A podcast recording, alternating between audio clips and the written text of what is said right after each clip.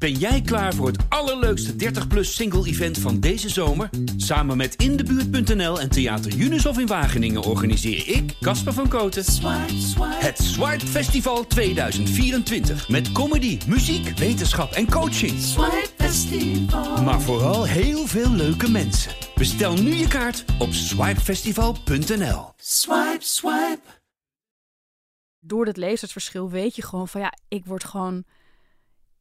Ik heb rimpels, ik word steeds meer rimpelig. En hij is gewoon een jonge vent, dus wat, dat, dat weet je gewoon. Dus je weet dat het iets tijdelijk is. Maar ik hoop wel dat ik zo volwassen ben dat ik hem ook me niet afgewezen voel, maar hem gewoon weer het leven in wil laten gaan. Al twintig jaar is de nu 50-jarige Sarah op zoek naar iemand met wie ze een kind kan krijgen. En dan wordt ze dol verliefd op een man die 25 jaar jonger is dan zijzelf. Win-win, zou je zeggen. Niet alleen zou hij haar liefdespartner kunnen zijn, maar ze zouden ook samen een kind kunnen krijgen. Het is de start van een zeer woelige relatie.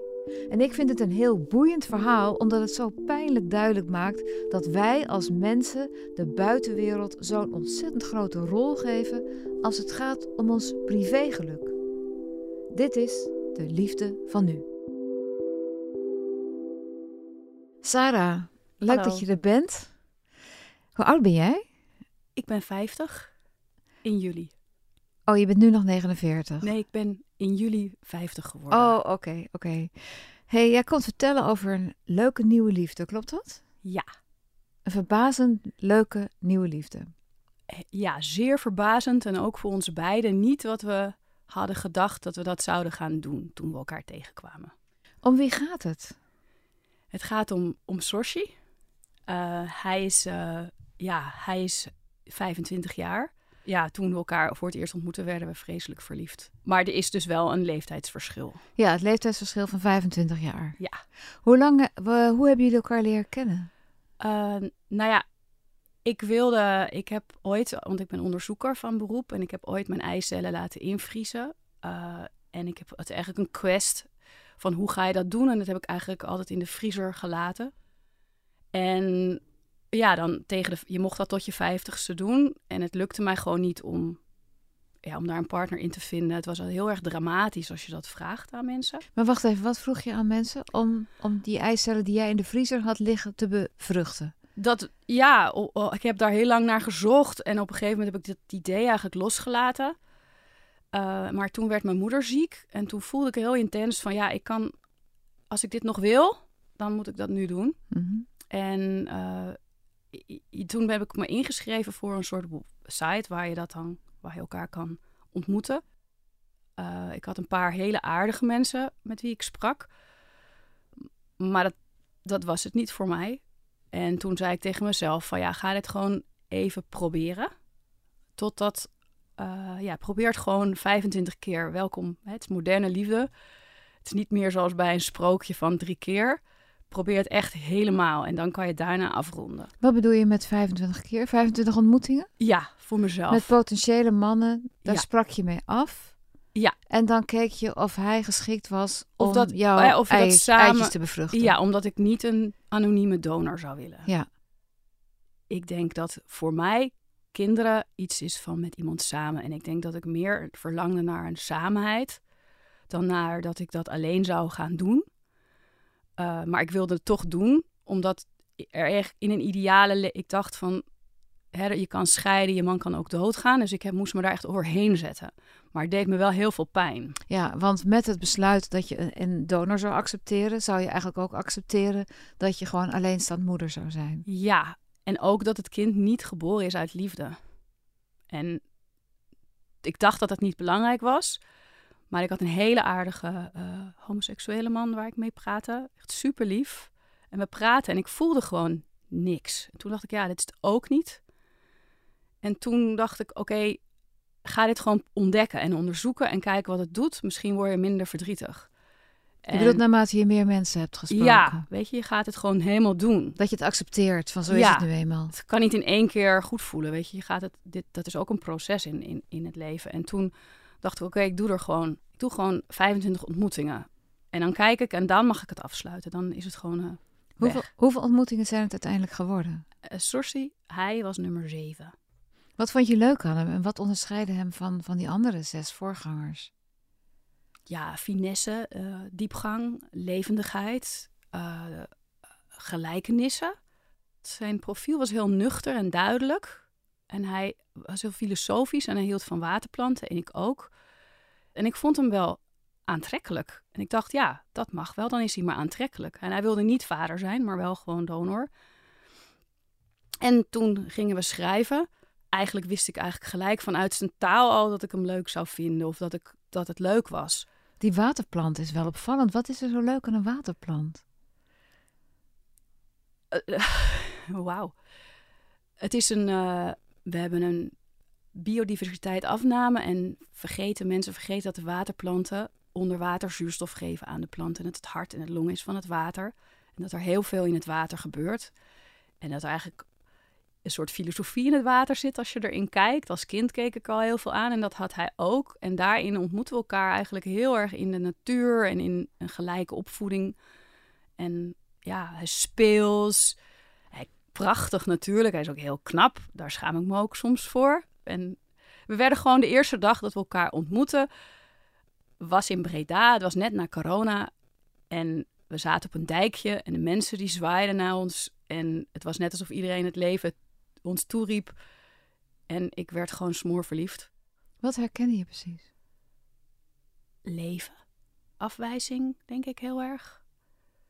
En ook een beetje een soort zwartgallige humor daarin, weet je wel. Dat je er maar om lacht en dat je daar grappen om maakt, maar om het te verwerken. Want je bent veel afgewezen in je leven, bedoel je dat? Ik, uh, ja. Hoeveel relaties heb je gehad? Ik kan ze niet meer op. Uh, ik heb een paar echte relaties gehad, maar ik kan ze niet meer op. De, de liefdes kan ik bijna niet meer tellen. Je bedoelt, je bent heel veel verliefd geweest, maar het is nooit wat geworden? Ja. En, en hoe, hoe lang heeft je langste relatie geduurd? Twee jaar.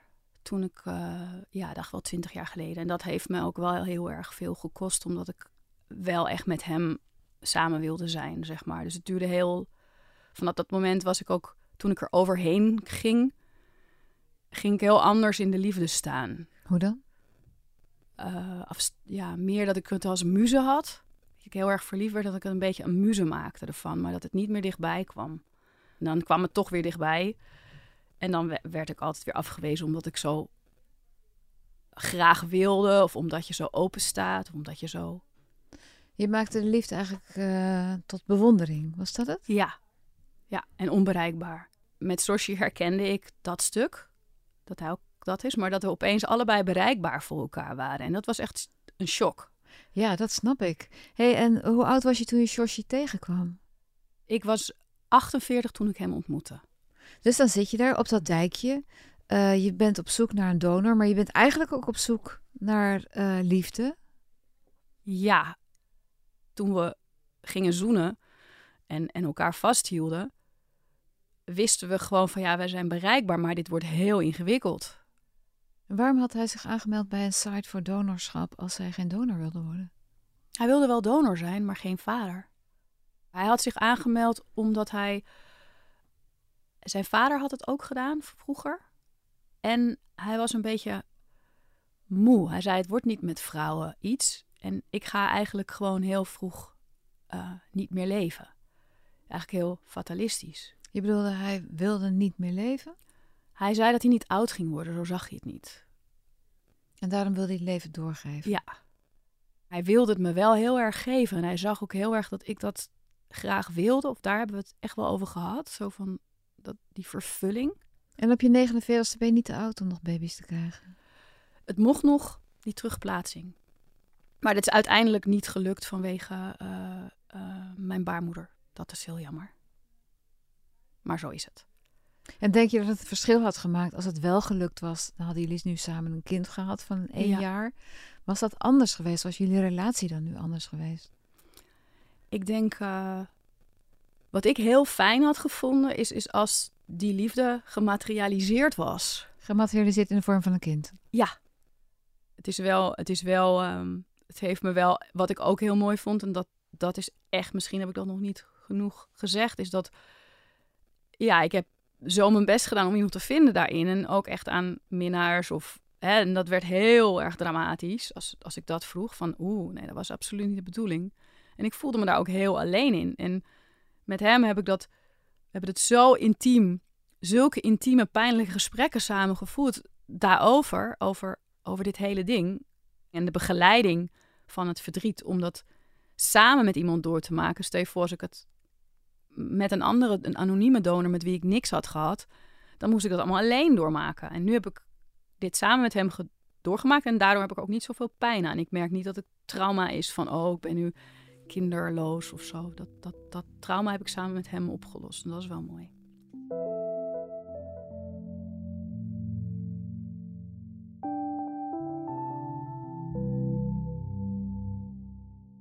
We zijn heel erg goed met elkaar. Laatst zijn we naar een, dan gaan we naar een museum en dan kunnen we heel erg kijken naar de wereld samen. En dan, en dan, dan zien we allebei hetzelfde. Ja, hoe mooi dat is. Die schoonheid kan je dan samen echt heel erg goed zien. Eigenlijk één blik. Hebben jullie één blik? Dan hebben we een blik samen en dan herkennen we elkaar daar heel en wel, hoe voelt dat? Heel fijn. Het voelt in het moment. Het voelt zoals je heel fijn een yogales hebt. Eh, en het voelt ook zoals je kind bent, dat je heel aandachtig aan de, naar de dingen samen kan kijken. En een ander voorbeeld is dat hij heel erg op muziek reageert. Dus als we thuis zijn, hè, normaal heb je fantasieën over wild dansen samen. Of je ontmoet elkaar heel wild op de dansvloer. Maar er is gewoon, als wij dan afwassen of aan het koken zijn, dan zet hij, zetten we muziekje op. En dan, dan pakt hij me vast en dan zijn we gewoon aan het dansen. Eh, op heel romantisch en aan het kijken hoe dat, hoe dat voelt zonder gêne, zonder schaamte. En dat is ook wel echt een karakteristiek van hem die ik heel fijn vind. Hij is echt, hij schaamt zich niet. Alleen hij moet nog heel veel dingen van zichzelf ontdekken. En ik denk dat zijn jeugd was, was er is wel wat trauma gebeurd. Uh, scheiding, uh, alcoholisme, uh, ja, gewoon heftige dingen. Bij zijn ouders. Bij zijn ouders. En ik denk dat hij niet toe is aan, aan echt een volle relatie, zolang hij die uh, problemen van zijn verleden niet, niet uh, aan kan gaan nog. Want daar heeft hij nog tijd voor nodig. Heeft dat ik. te maken met leeftijdsverschil? Er zijn ook heel veel 50-jarigen die hun verleden nog lang niet hebben verwerkt. Ik vind dat een hele goede vraag en ik heb daar ook heel veel over nagedacht. Mijn vrienden zeggen allemaal van ja, hij is jong, dus daarom hè, vindt hij hij drinkt graag. Ik noem dat hij, een beetje Captain Haddock-achtige verschijnselen. En daar wordt hij zelf daarna een beetje somber van. Best wel. In het begin herkende ik het niet en dacht ik, hij heeft gewoon sombertes. Maar ik zie nu heel stel sterk oorzaak en gevolg. Als hij gedronken heeft, heeft hij gewoon een paar dagen een heel moeilijk humeur en voelt hij zich niet goed over zichzelf. Gewoon heel, het heeft gewoon een direct effect. En dan zeggen mijn vrienden allemaal van ja, maar dat, hè, dat moet hij dan later gaan, gaan zien. En dat is nu nog niet. Maar ik ken inderdaad heel veel mensen die het van mijn leeftijd nog steeds niet hebben aangepakt.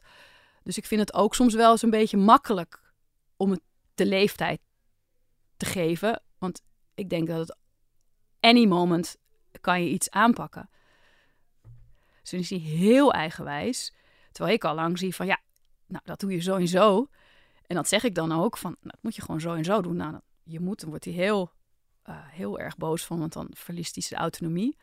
Dus ik denk dat dat stukje wel een leeftijdsverschil is, omdat ik het al een beetje weet. Je, doet, je moet hem dan gunnen om die fouten te kunnen maken. Dan moet je op je tong bijten om het niet te zeggen van, oh, je moet het zo doen. Heel erg, ja.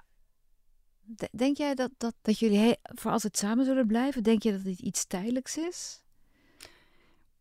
Ja, dat is dus, de, dat is dus waar ik altijd mee bezig ben vanaf het begin al.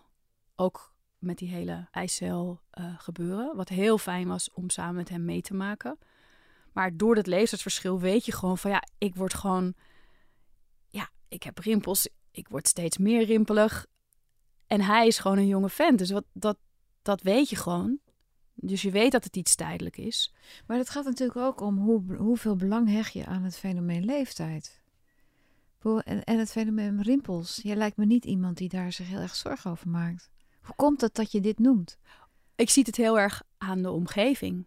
Dat. Ja, ik merk, wij hebben, Sorsi kan, hij kan er heel goed vaak tegen. Hè? Dan zijn we in de trein. Hij, moet, hij moet echt heel sterk zijn in zijn schoenen om bijvoorbeeld samen een kroeg te gaan of dat we naast elkaar in de tram zitten, dan merk ik aan hem uh, dat hij op een gegeven moment een beetje freest. En ik ook. Vaak zijn het bijvoorbeeld vrouwen en dan voel ik zo'n hele afkeurende blik. Ook wel nieuwsgierig naar wat dit is. En ja, daar moet je wel uitgeslapen voor zijn. En, en goed in je vel voor zitten wil je dat kunnen. Het klinkt als een soort uit de kast komen. Dat je uit de kast moet komen met je, met je man van 25 jaar jonger. Ja, absoluut.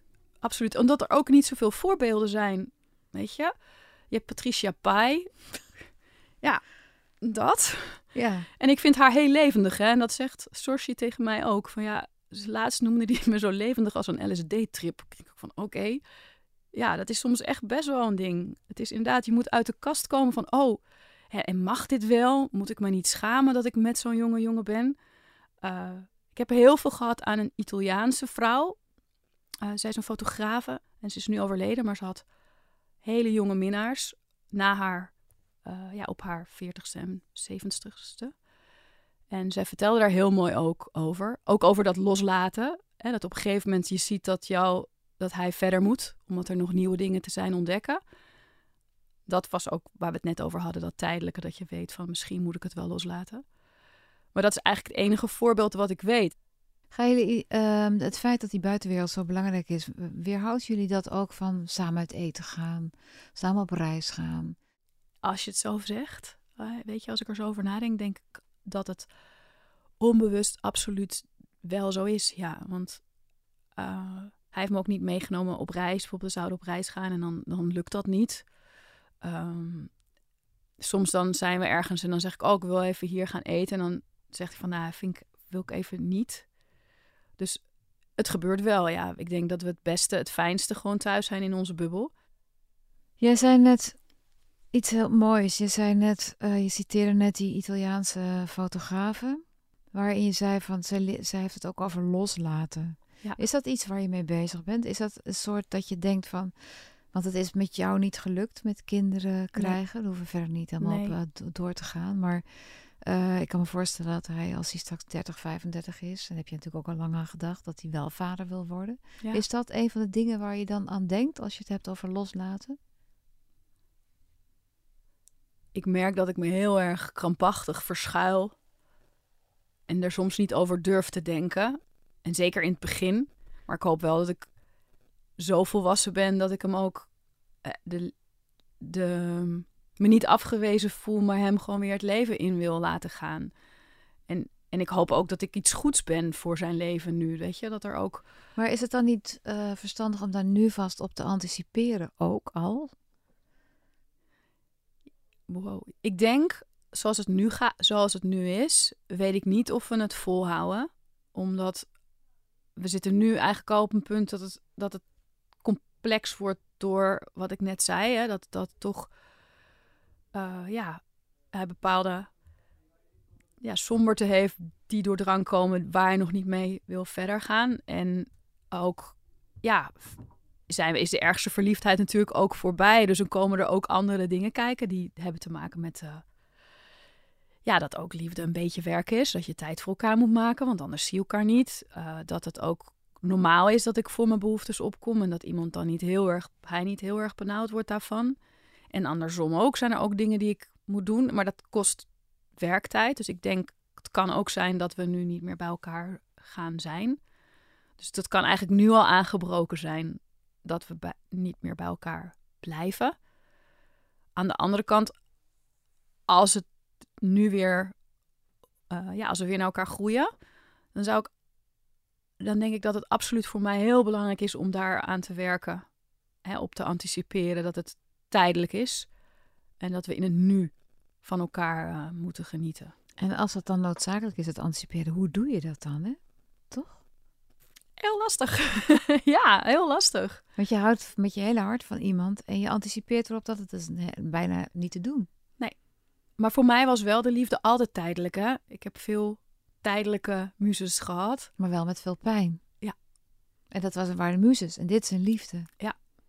Maar als je gewoon over een paar jaar ehm, zegt van sorry, uh, zei ik moet je iets zeggen. Ik heb een ander meisje ontmoet en we willen heel graag een gezin stichten. En dat kan niet met jou. Hoe zou, heb je enig idee hoe je dan zou reageren? Ik zou hem dat wel gunnen. Ja, we hebben er een keer om gehuild ook. Was hij heel dronken en toen heeft hij het ook over gehad. Van ik gunde je het zo, ik gunde je het zo. En toen, um, ja... En gunde je de baby zo? Ja, hij zei, maar ik, ik zal op een dag ga ik ook vader worden. En dan, dan, dan, um, dan leef je wel voort in dat kind, zeg maar. Dat zei hij heel lief, vond ik heel mooi. Ik denk dat ik het wel verwerken ga. Ik, um, omdat het deze keer bereikbaar was. Hè, deze keer was het niet een muze of deze keer was het geconsumeerde liefde. Ja, wat gewoon heel anders is. Voor mij was liefde altijd een heel pijnlijk. En nu is het gewoon heel gezellig in de kamer met een muziekje aan. En je zegt geconsumeerd, wat natuurlijk een heel mooi toepasselijk woord is, want het is geconsumeerd en op misschien. En dan geef je hem weer verder aan de volgende. Ja, jeetje. Ja, dat zou ook kunnen. Dat je, dat, het, dat je het leven zo moet zien als een, ja, als een gebeurtenis. En, en wij delen samen deze gebeurtenis. En ja, je vergeet je. Het loslaten van, van liefde is altijd in het begin heel erg moeilijk. Maar als je het echt goed doet, dan denk je later wel met liefde aan iemand terug. Maar ik begrijp dat jullie nu in een soort crisisje zitten? Of ja, we zijn gewoon nu even aan het nadenken van hoe, hoe we dit verder gaan doen. Hij wil heel graag als, als beste vrienden verder. Maar ik, ja, ik zeg luister, dat, dat vind ik heel moeilijk, want ik voel romantische vriendschap. Dat is ook een term die niet bestaat. ik weet niet of een relatie of een bezit, weet je wel, als je het zo ziet. Ja, ik voel gewoon romantisch met jou en, en ik kan nu niet terug. Ik denk dat hij heel makkelijk nu terug zou gaan naar, kunnen naar een vriendschap met mij. Omdat hij het anders al voelt. Misschien is dat al een voorbode van een minder commitment, ja. waardoor hij weer vrijheid heeft. Ja. ja. En die vrijheid, waar heb jij geen behoefte aan? Nu op dit moment niet, nee. nee. Hoe zou je het liefste willen dat het zou gaan de komende tijd? Wat voor leven zie je voor je met hem? Als jij het voor het zeggen hebt. Als ik het voor het zeggen had, dan gingen we naar een natuurgebied waar hij uh, planten heeft neergeplant. En dan zouden daar uh, klinkt heel romantisch, maar daar, een, daar een beetje wonen of iets doen met kinderen, uh, lesgeven of zo. En gewoon een hele mooie, warme, rustige tijd samen hebben met veel buiten. Ja, eigenlijk zou ik het heel fijn vinden om die rust en dat gezellige, uh, dat, dat nog een tijdje mee te maken. En niet dat het zo grillig is door alle prikkels van buitenaf. Dat zou ik heel fijn vinden. Om nog heel. Het is voor mijn gevoel nog niet af in het begin liepen we een keer te dansen. Ergens waren we aan het dansen. Hij kan ik heel leuk dansen. En toen zei ik, liep ik zo hand in hand. En zei ik, oh, lieverd, ik wou dat ik je tien jaar geleden had ontmoet. Toen zei ja, toen was ik veertien. En toen stond ik ook echt zo te kijken van, oh, jeetje. Maar hij past zo goed bij mij. Dat, hè, er zijn meerdere wares en hij was gewoon, ja, hij past gewoon goed bij mij. Dus ik zou, ja, samen op een tijdje. Een tijdje. Ja. En als het voor vijf jaar is, is hij nog dertig en kan hij nog steeds een nieuw leven beginnen. Dan heb ik toch een heerlijk tijdje gehad. Daar teken je voor, voor die vijf jaar. Ja, zeker.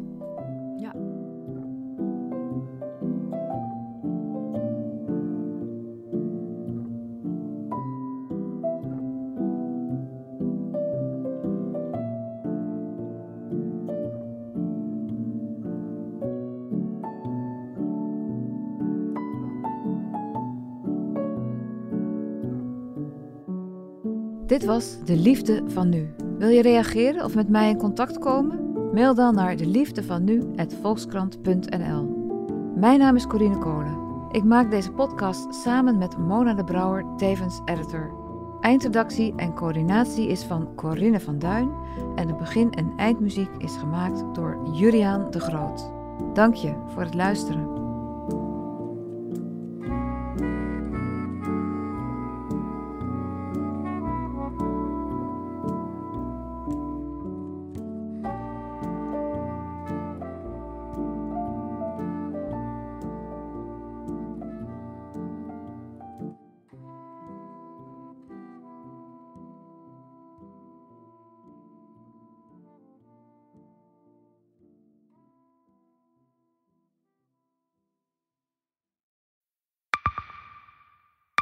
Zijn leven is overhoop gegooid.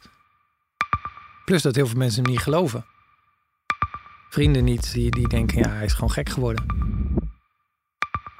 Hoe naar moet dat zijn? Als je vertelt over de meest indringende ervaringen uit jouw leven en niemand gelooft dat je het echt hebt meegemaakt. Ja, ik vind zelf niet dat ik het verzonnen heb, maar sommige mensen denken dat wel. Maar hoe kom je erachter of jij je doelwit bent van een geheime dienst? Ik heb ook wel eens meegemaakt dat je het idee hebt dat inlichtingendiensten in je geïnteresseerd zijn. En dan kun je wel heel veel zien, wat er misschien helemaal niet is. Als ik s'avonds nog iets ging eten, dan volgden die mensen mij naar het restaurant. En dan terug van het restaurant naar het hotel. Als zij op een gegeven moment zei, kijk maar uit, want anders word je dadelijk nog het voert ook. Shit, ik moet hier weg. Dat is, dat is niet goed. Nu word ik gevolgd. Een soort Truman Show is het gewoon. Hè? Alsof dat hele straatbeeld voor jou is ingericht. Maar dan wel met bedoeling ja, jou niet door te laten. Dit kan geen toeval zijn. Een nieuwe podcast van de Volkskrant. Mijn naam is Simone Eleveld en samen met Huid Modderkolk ontrafel ik een bizarre operatie van de geheime dienst. Wat het doel ook is, jij verliest het. Ik werd opgepakt, heel lang ondervraagd. Maar hoe krijg je grip in een wereld die zo onderzichtig is? Als je zou liegen, dan zou je niet de meest relevante informatie twee jaar later tussen neus en lippen doorvertellen. Er zal nooit iemand zeggen, oké Bart, ik geloof je. Nooit, nooit. Dit kan geen toeval zijn. Vanaf 3 oktober bij de Volkskrant. Ik weet niet of ik je ook alles kan vertellen. Het is echt te bizar. Wat?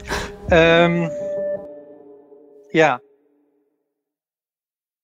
Ben jij klaar voor het allerleukste 30-plus single-event van deze zomer? Samen met Indebuurt.nl en Theater Junus in Wageningen organiseer ik, Casper van Koten, het Swipe Festival 2024. Met comedy, muziek, wetenschap en coaching. Maar vooral heel veel leuke mensen. Bestel nu je kaart op swipefestival.nl. Swipe, swipe.